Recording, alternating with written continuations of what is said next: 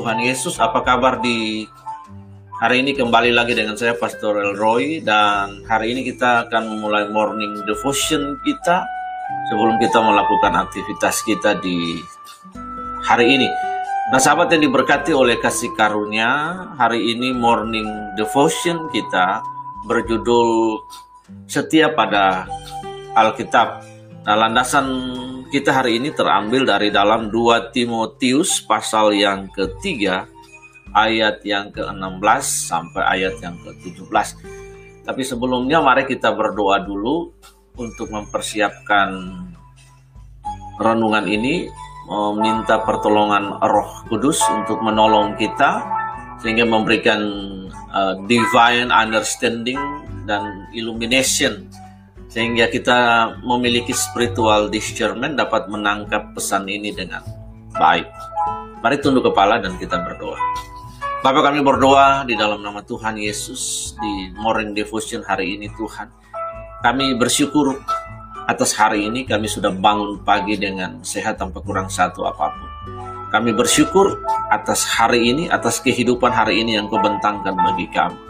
Sebelum kami melakukan berbagai aktivitas, selalu kami datang dan mengaku bahwa hidup ini punyamu. Karena itu kami meminta Engkau menuntun kami, Engkau menjadi guide bagi kami, Engkau menjadi lead bagi kami. Sepanjang hari ini Tuhan, Roh Kudus pegang tangan kami agar kami tak jalan sendiri. Di dalam nama Yesus, memberkati rumah tangga-rumah tangga dan keluarga. Yakinkan mereka bahwa dari mana datangnya pertolongan setiap kita. Pertolongan setiap kita datang daripada Tuhan yang menjadikan langit dan bumi.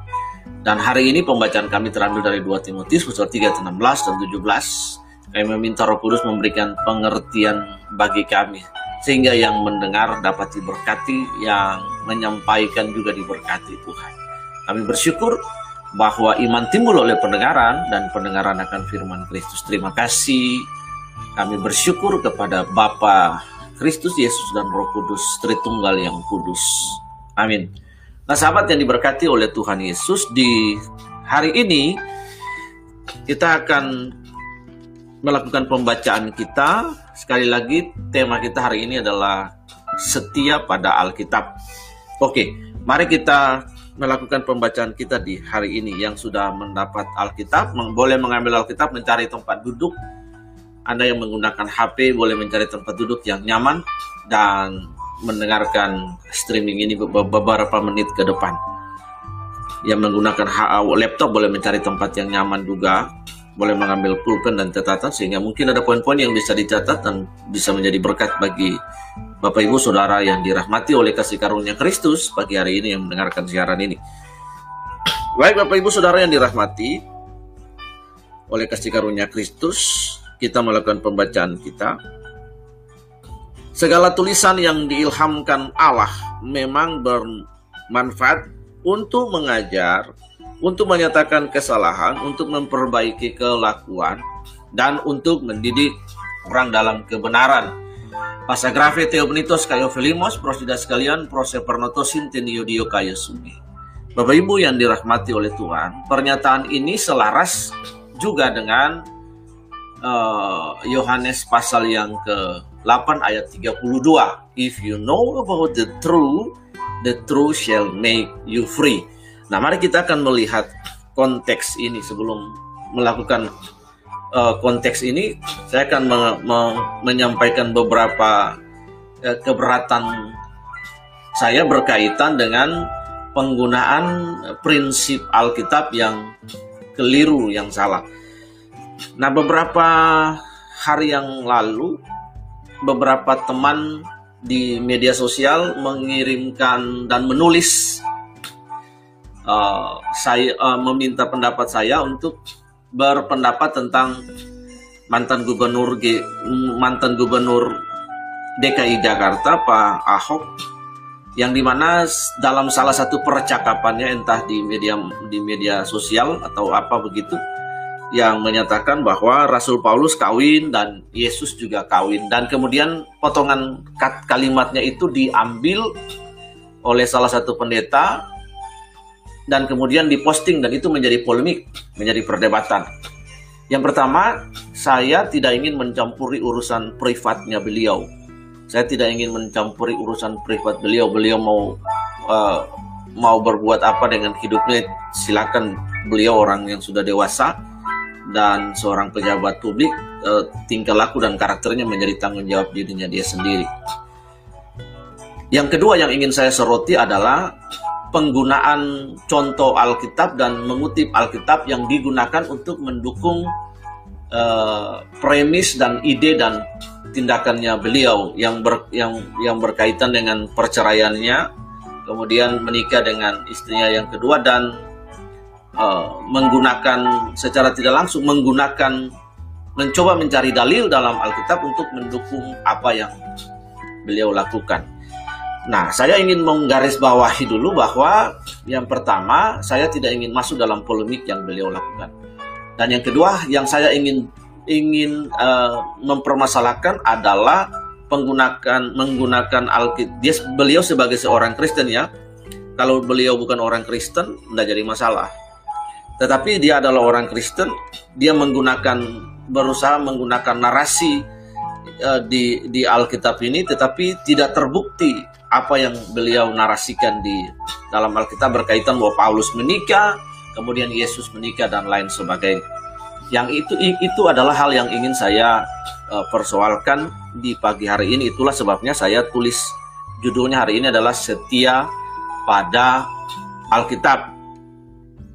Nah, Bapak Ibu yang dikasihi dan dirahmati oleh Tuhan, yang pertama kita harus mengetahui bahwa Alkitab itu bersifat open book Alkitab bersifat open book, bersifat buku yang terbuka. Karena Alkitab itu bersifat buku yang terbuka siapa saja. Entah dia orang Kristen, dia mengutip Alkitab untuk kepentingan dia sendiri, untuk mendukung perilakunya dia, untuk mendukung gagasannya dia, untuk mendukung idenya dia.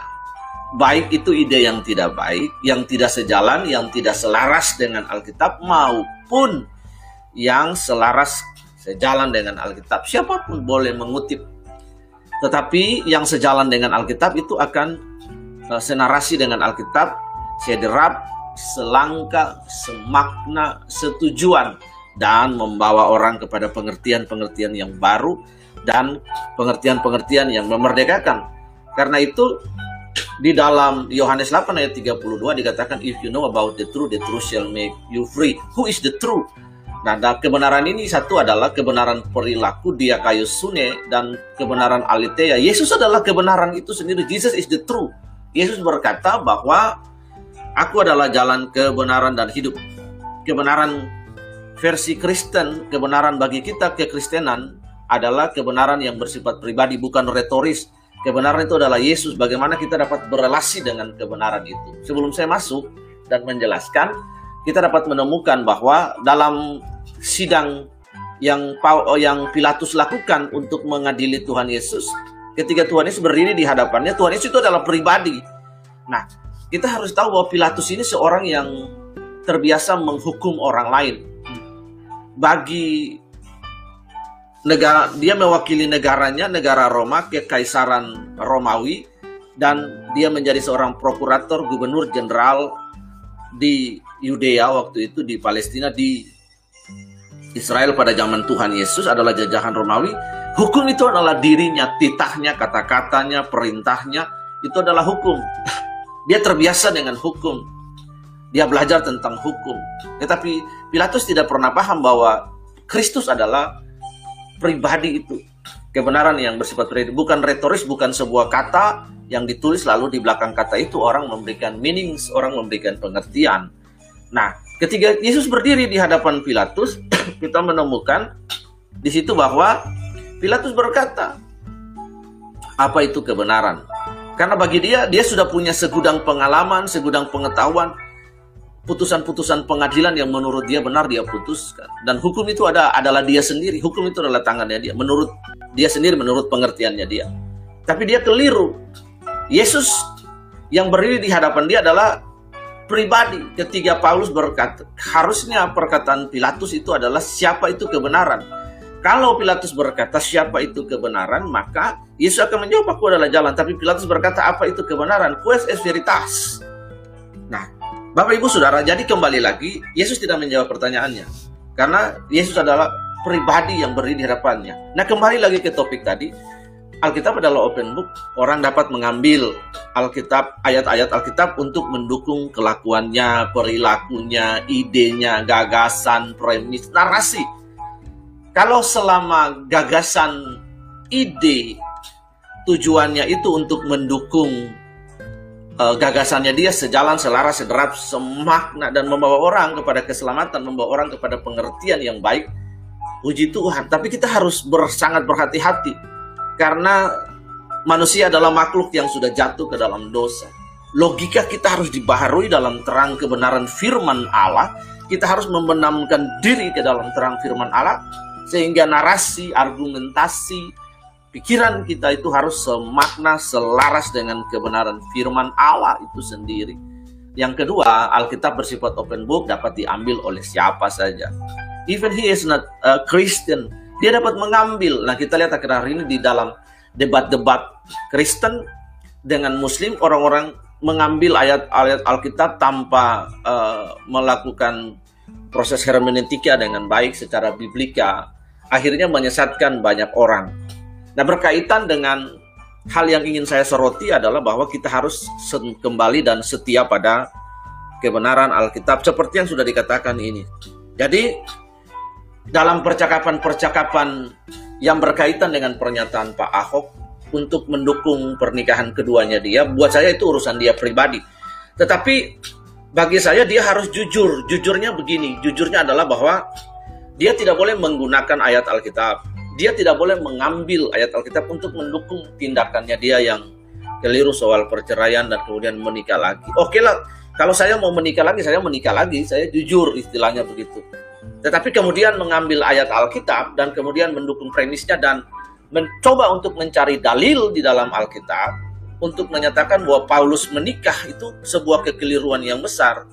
Ada empat fungsi Alkitab yang kita lihat nanti kita belajar di sini. Bapak Ibu Saudara yang dirahmati oleh kasih karunia, ini adalah pertama kesesatan pikiran dari beliau yang kemudian dipertentangkan, yang kemudian diperdebatkan di dalam media sosial dan di, di, di media Facebook rame sekali gara-gara video YouTube yang diangkat oleh seorang pendeta. Dia pintar sekali untuk mencari celah, mengambil potongan kalimat itu dan kemudian diposting di, di YouTube dan kemudian menjadi viral dan memancing, memantik diskusi baik dari para teolog, orang Kristen awam, jemaat-jemaat biasa, para pekerja, pendeta dan lain ikut berpolemik di dalam uh, mengomentari narasi yang diposting di video YouTube yang dipotong di oleh seorang pendeta itu kemudian dinarasikan. Nah ini yang ingin saya sampaikan. Jadi yang ingin saya sampaikan adalah bahwa kita harus setia pada Alkitab.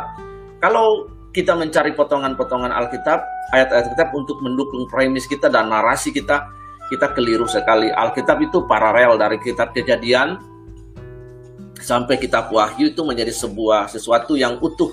Kalau kita belajar secara biblika, maka kita akan dapat menemukan bahwa antara PL dan PB itu me, me, apa, memiliki kesinambungan keterkaitan yang bersama kita kita kita kenal juga ada dalam baca pembacaan pembacaan ayat-ayat di dalam eh, PB dan PL itu memiliki sebuah relasi sintaktis yang berkaitan satu dengan yang lain jadi nggak gampang kita mengutip mengambil ayat Alkitab untuk mendukung, mendukung ide kita yang salah dan keliru.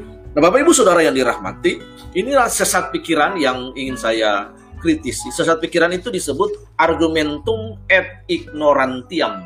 Argumentum et ignorantiam. Ada argumentum-argumentum yang lain, tetapi argumentum yang paling sering dikenal adalah uh, argumentum et hominem, menyerang ketika seseorang berdiskusi dengan orang lain dan kemudian menyerang pendapat orang lain tidak menggunakan basic knowledge uh, ilmiah studi data empiris tetapi menyerang uh, pribadi orang tersebut. Tetapi hari ini yang ingin saya saya perkarakan adalah argumentum et ignorantiam. Artinya sesuatu yang dengan mudah dianggap benar atau dianggap salah padahal sebetulnya tidak terdapat cukup bukti, tidak terdapat cukup bukti untuk membetulkan atau membuktikan bahwa hal itu benar. Nah, yang diperdebatkan yang diperdebatkan oleh orang-orang oleh teman-teman di media sosial itu adalah bahwa mereka keberatan kepada pernyataan Ahok yaitu satu bahwa Paulus menikah berdasarkan di, ada mengutip ayat.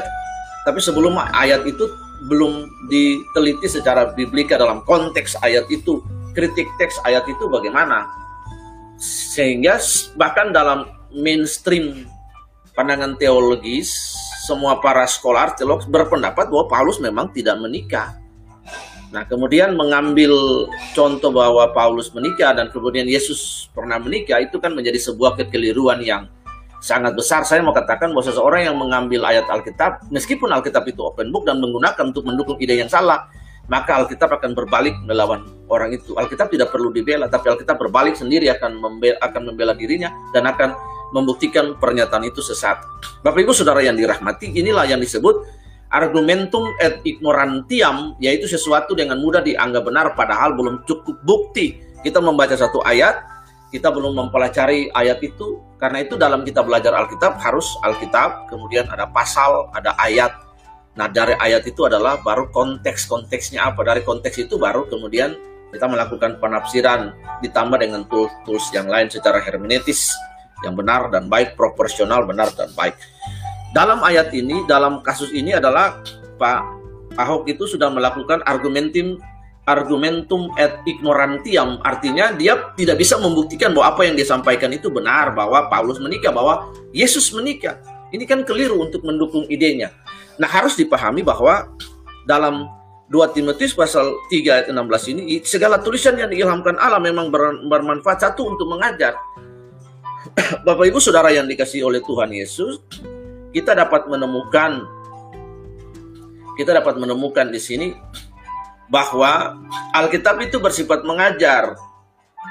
Fungsi Alkitab itu untuk mengajar. Didace, didahke, didaskalia untuk memberikan pengajaran.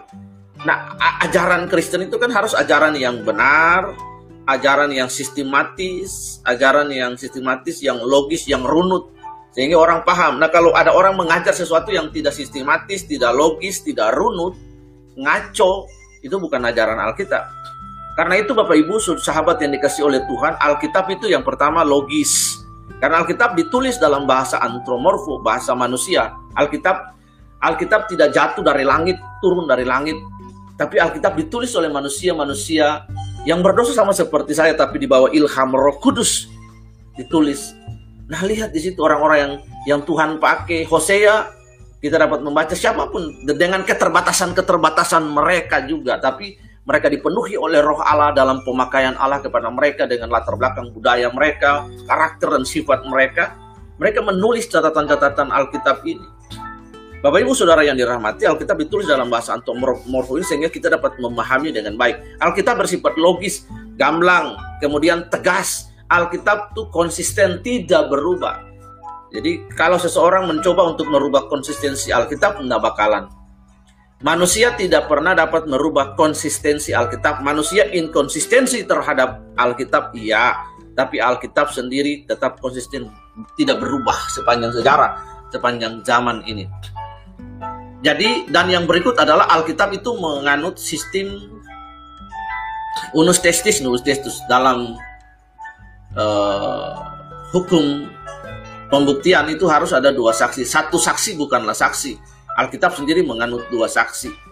Nah, Bapak Ibu Saudara yang dirahmati, kita melihat Yesus sendiri dalam menggenapi nubuatan dari dia dia lahir sampai dia uh, dia disalibkan, dia mati, dia bangkit, dia hidup, dia naik ke surga itu disaksikan oleh banyak saksi. Jadi memenuhi unsur unus testis, nulus testus artinya satu saksi bukanlah saksi. Nah itu Alkitab logis artinya tidak ada yang bertentangan dengan akal sehat. Jadi kalau dibilang Paulus menikah, Yesus menikah ya itu ber, itu bertentangan dengan akal sehat. Yang gamblang artinya jelas dan mudah dipahami. Jangan membuat Alkitab itu mu, tidak mudah untuk dipahami. Alkitab mudah untuk dipahami dengan cara yang sederhana. Lalu kemudian berkata bahwa Paulus menikah itu sesuatu yang keliru. Berkata Yesus menikah itu sesuatu yang keliru. Alkitab itu ses, uh, sistematis artinya ditulis secara teratur dan berkesinambungan. Ini harus dipahami. Kemudian Alkitab itu akurat, artinya sangat teliti dan sangat cermat sampai dalam penggunaan-penggunaan tulisan Yunani ini untuk menulis bahasa untuk menulis Alkitab, Paulus menggunakan bahasa itu juga. Bapak Ibu Saudara, di situ dalam suratnya dikatakan bahwa memang Paulus tidak pernah menikah, tapi kemudian menciptakan polemik bahwa Paulus itu menikah adalah sesuatu yang keliru. Dan Alkitab akan berbalik menentang per pernyataan itu. Tegas artinya yang jelas dan terangan dan terang benar serta tidak ada yang sama-sama. Alkitab mengatakan dosa-dosa, sesuatu yang jelas. Nah sering kali kan gereja, institusi, pendeta, dan lain mencoba secara eh, humanis untuk mengaburkan makna dosa itu sendiri, mengaburkan makna kebenaran itu sendiri. Karena takut bahwa nanti nama gereja rusak, nama pendeta rusak, mempermalukan orang dan lain. Padahal kita berkata dosa adalah dosa, persinahan adalah persinahan. Nah ini sering sering kali terjadi case dalam organisasi, case dalam gereja. Akhirnya gereja sendiri pun kehilangan otoritas sebagai penerima mandat. Alkitab berkata bahwa gereja atas batu karang ini aku mendirikan gereja dan alam maut tidak menguasainya. Nah ini Bapak Ibu Saudara yang dikasih oleh Tuhan. Konsisten artinya tidak ada yang saling bertentangan atau yang saling menyangkal. Dua saksi artinya semua ajaran Alkitab disaksikan minimal oleh dua orang saksi. Karena itu Alkitab nggak salah. Memakai dan menggunakan ayat Alkitab untuk kepentingan diri sendiri itu adalah sesuatu yang keliru. Kalau kepentingan itu, kalau tindakan narasi itu sejalan dengan Alkitab, oke okay lah. Tapi kemudian bertentangan dengan Alkitab. Misalnya Elroy, seorang gembala, pendeta, ingin poligami dan kemudian mencari ayat Alkitab poligami. Oh karena Hosea juga melakukan hal yang sama. Maka itu sesuatu yang salah kaprah sekali. Bapak Ibu Saudara yang dirahmati oleh Tuhan. Alkitab mem memakai peraturan-peraturan dalam satu Timotius pasal 3 bahwa bahwa seorang suami, seorang pelayan, seorang presbiter itu harus satu istri. Mias gunaikos andra. Nah ini yang penting sekali bagi kita. Bapak Ibu Saudara yang dirahmati oleh Tuhan, kita bisa saja menolak, namun mustahil menyangkal jadi mungkin Ahok bisa menolak bahwa Paulus kawin enggak uh, uh, kawin, dia mungkin menolak apa kata Alkitab tapi dia tidak mungkin bisa menyangkal. Semua kita bisa menolak. Siapa pun bisa menolak apa kata Alkitab, tapi mustahil, Bapak Ibu, harus dengar baik, mustahil untuk menyangkal ajaran Alkitab adalah ajaran yang benar. Mustahil. Kita nggak bisa, kita tidak, kita tidak, kita bisa tidak memahaminya. Kita bisa kita bisa tidak memahami Alkitab. Namun tidak bisa menafsirkan semau sendiri. Itu Alkitab akan bangkit dan melawan. Alkitab akan membela dirinya sendiri, Bapak Ibu.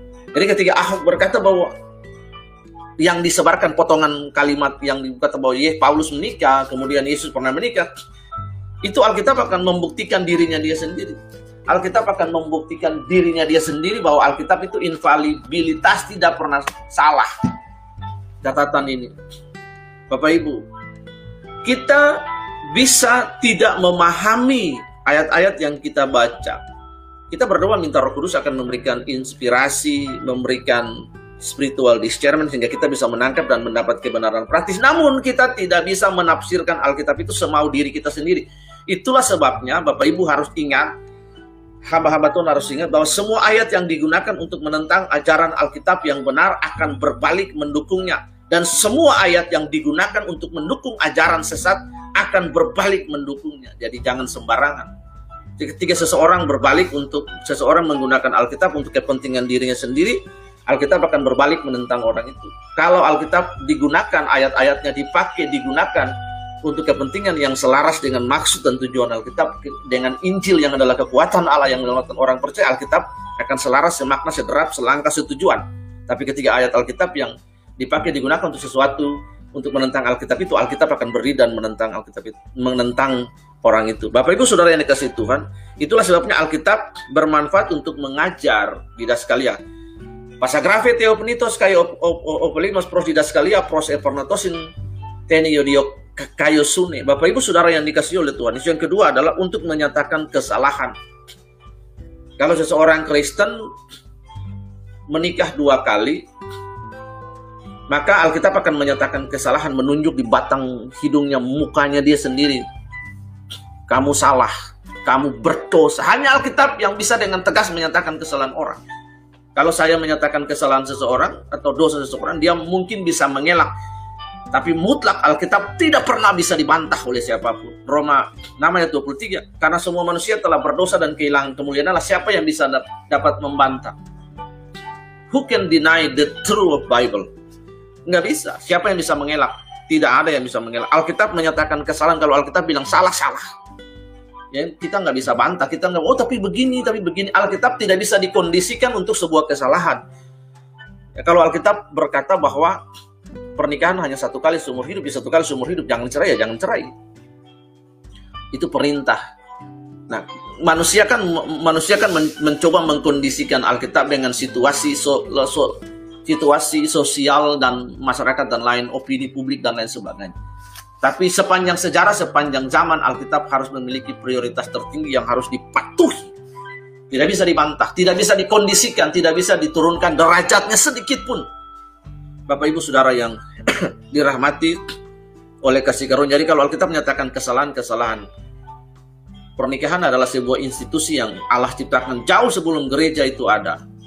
Pernikahan adalah lembaga institusi tertinggi dan tertua di dunia dan Allah hadir dalam pernikahan itu sebagai Esa dan Eis api yang menghangatkan di antara nama pria yang ada api Allah hadir di dalam nama wanita juga Esa itu ada nama Allah di dalamnya.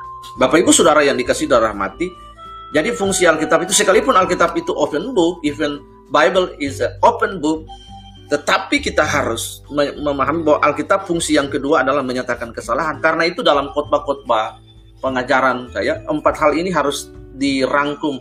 Alkitab mengajar. Dalam khotbah itu maka khotbah itu harus bersifat mengajar menyat, menyat, menyatakan kesalahan artinya mendidik orang-orang supaya tertib hidup rohani. Dan yang ketiga memperbaiki kelakuan. Dalam Mazmur 119 ayat 9 berkata bahwa dengan apakah seorang muda dapat mempertahankan kelakuannya hingga menjadi bersih?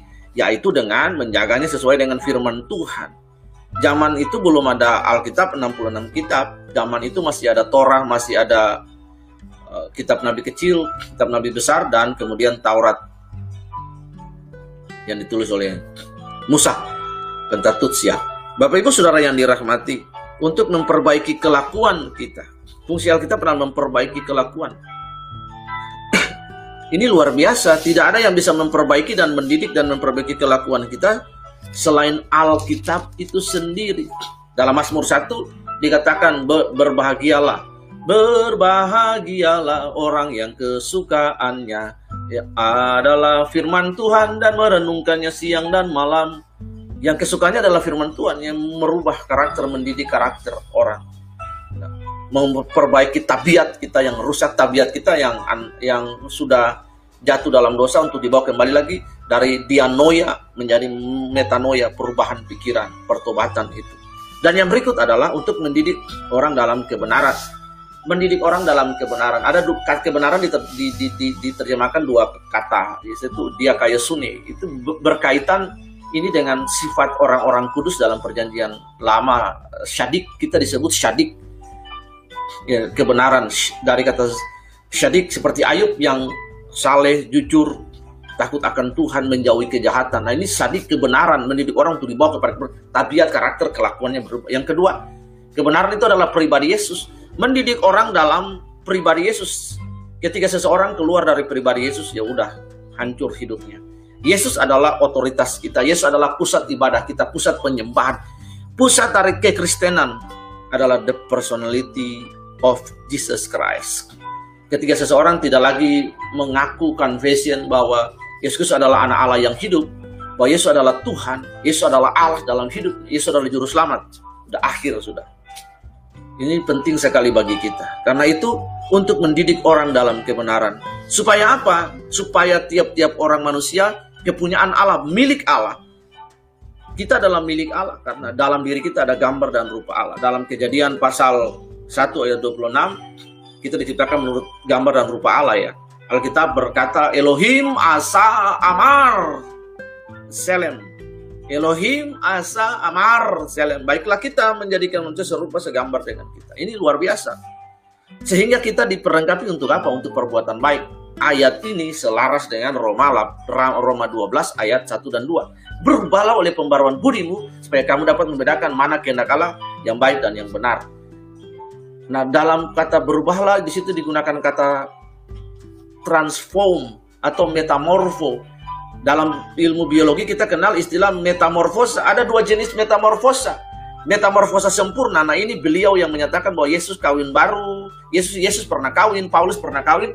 Beliau ini masuk kategori metamorfo yang tidak sempurna. Mungkin dalam hal-hal lain beliau benar, dalam hal me, me, hal menjalankan pemerintahan benar. Tapi ukuran kekristenan itu dimulai dari keluarga. Bapak Ibu Saudara yang dikasih oleh Tuhan. Metamorfo yang tidak sempurna itu seperti kecoa. Jadi Kristen kecoa. Ya, Kristen yang suka dengan hal jorok sampah. Nah, Kristen kecoa. Jadi metamorfo dia langsung dari telur, dia langsung jadi ninfa, lalu jadi kecoa. Metamorfosa tidak sempurna. Binatang yang melambangkan metamorfosa yang tidak sempurna yaitu kecoa. Salah satunya kecoa. Yang kedua, metamorfosa sempurna dia dari telur, kemudian dari uh, nimfa ke pompong, ulat, lalu akhirnya menjadi butterfly, kupu-kupu yang indah. Metamorfosa sempurna ini. Inilah transformasi. Sehingga kita dari manusia yang dianoia pikirannya rusak, hancur, menjadi metanoia. Dari manusia yang antropos sarkos, manusia daging karnal, menjadi manusia yang antropos pneumatikos manusia-manusia yang menuruti kehendak Allah yang berubah yang se seirama dengan Tuhan. Nah, ini yang harus kita pelajari pagi hari ini. Demikian sahabat yang diberkati apa yang bisa saya sampaikan di hari ini menolong kita. Kita harus setia pada kebenaran Alkitab. Alkitab tidak berubah. Alkitab tidak bisa dikondisikan. Alkitab adalah bagi kita adalah kebenaran mutlak itu sendiri dan kita setia pada kebenaran mutlak. Firman Tuhan berkata iman timbul dari pendengaran pendengaran akan firman Tuhan. Rajin baca Alkitab, minta Roh Kudus menolong kita. Kita kita kita bisa tidak memahaminya, tapi jangan pernah kita menafsirkan Alkitab sembarangan. Kita boleh bertanya kepada hamba Tuhan, pendeta kita di gereja lokal. Kita boleh belajar untuk mencari dan untuk memahami. Karena itu wajib sekali kita baca Alkitab dan kita memahami. Kalau kurang paham, kita tanya ke orang yang lebih mengerti, pelayan di gereja, majelis, jemaat, uh, pendeta, pengerja di gereja atau gembala sehingga kita lebih paham untuk memahami itu. Kita tidak bisa mungkin tidak bisa untuk memahami ya namun kita tidak bisa menafsirkan sembarangan. Karena kalau kita sembarangan kita bisa menentang Alkitab itu sendiri Alkitab akan balik untuk membela dirinya sendiri. Inilah kebenarannya. Jadi kita harus setia bahwa Alkitab itu adalah firman Allah. Alkitab bukan berisi firman Allah. Bible is not content with the word of God. But Bible is the word of God. Bapak, Bapak Ibu, untuk mengajar, untuk menyatakan kesalahan, untuk memperbaiki kelakuan, dan mendidik kita dalam kebenaran sehingga setiap kita bertumbuh dalam kasih karunia Kristus menjadi serupa segambar dengan Tuhan Yesus. Dengan demikian, tiap-tiap kita diperlengkapi untuk apa? Perbuatan baik. Perbuatan baik di sini bukan karena untuk kita diselamatkan. Kita diselamatkan oleh iman kita, oleh anugerah Allah seperti yang dikatakan dalam Efesus pasal 2 ayat yang ke-8. Kamu diselamatkan itu bukan hasil usahamu, tapi pemberian Allah itu anugerah Allah. Nah, oleh iman percaya kepada Tuhan Yesus. Jadi tidak ada hal apa pun yang dapat menyelamatkan kita, hanya oleh anugerah Allah saja. Kita berbuat baik adalah sebagai ucapan syukur atas keselamatan dan ketertebusan yang sudah kita alami dari Tuhan Yesus Kristus. Tuhan Yesus memberkati kita sepanjang hari ini. Mari kita berdoa. Bapak kami berdoa dan mengucap syukur, Tuhan tolong dan ajar kami untuk setia kepada kebenaran-Mu Tuhan even we not understand what we read Tuhan, we help Tuhan, we eh, Holy Spirit to help us. Kita memohon Roh Kudus untuk membantu, menolong, memberikan pengertian. Karena di dalam Yohanes 16 engkau berkata ayat yang ke-8 bahwa jika Roh Kudus itu datang, ia akan menginsafi dunia akan dosa dan membawa orang kepada kebenaran. Terima kasih Tuhan, Roh Kudus menolong kami memahami ayat-ayat yang kami uh, baca supaya kami tidak salah. Ajar kami untuk setia pada Alkitab, pada kebenaran Tuhan. Terima kasih, tolong kami sepanjang hari ini, aktivitas yang akan kami lakukan. Ada peristiwa-peristiwa hidup yang akan kami hadapi di depan kami. Berikan kami kesabaran, hikmat untuk menghadapi dan bereaksi dengan baik terhadap peristiwa hidup. Sehingga kami sejalan dengan Engkau. Berkati pekerjaan yang dilakukan dari rumah, dan juga yang sudah bekerja new normal di kantor-kantor Tuhan. Tolong di dalam nama Yesus semua kami. Berkati semua kami. Mari angkat tangan dan terima berkat Tuhan. Tuhan Allah menghadapkan wajah kepada kita, menyinari kita dengan wajahnya dan memberikan kita damai sejahtera yang jauh melampaui segala akal sehingga kita nggak cemas, kita nggak khawatir, kita nggak anxiety, kita nggak stres. Tapi terus bersuka cita dan untuk terus memiliki pengharapan di dalam Allah bahwa Engkau adalah penolong kami. Di dalam nama Yesus kami sudah berdoa dan mengucap syukur. Haleluya. Amin. Tuhan Yesus memberkati. Kami berjumpa sahabat di morning devotion berikutnya masih dengan saya Pastor Elroy Sipahelu. Korandeo. Haleluya.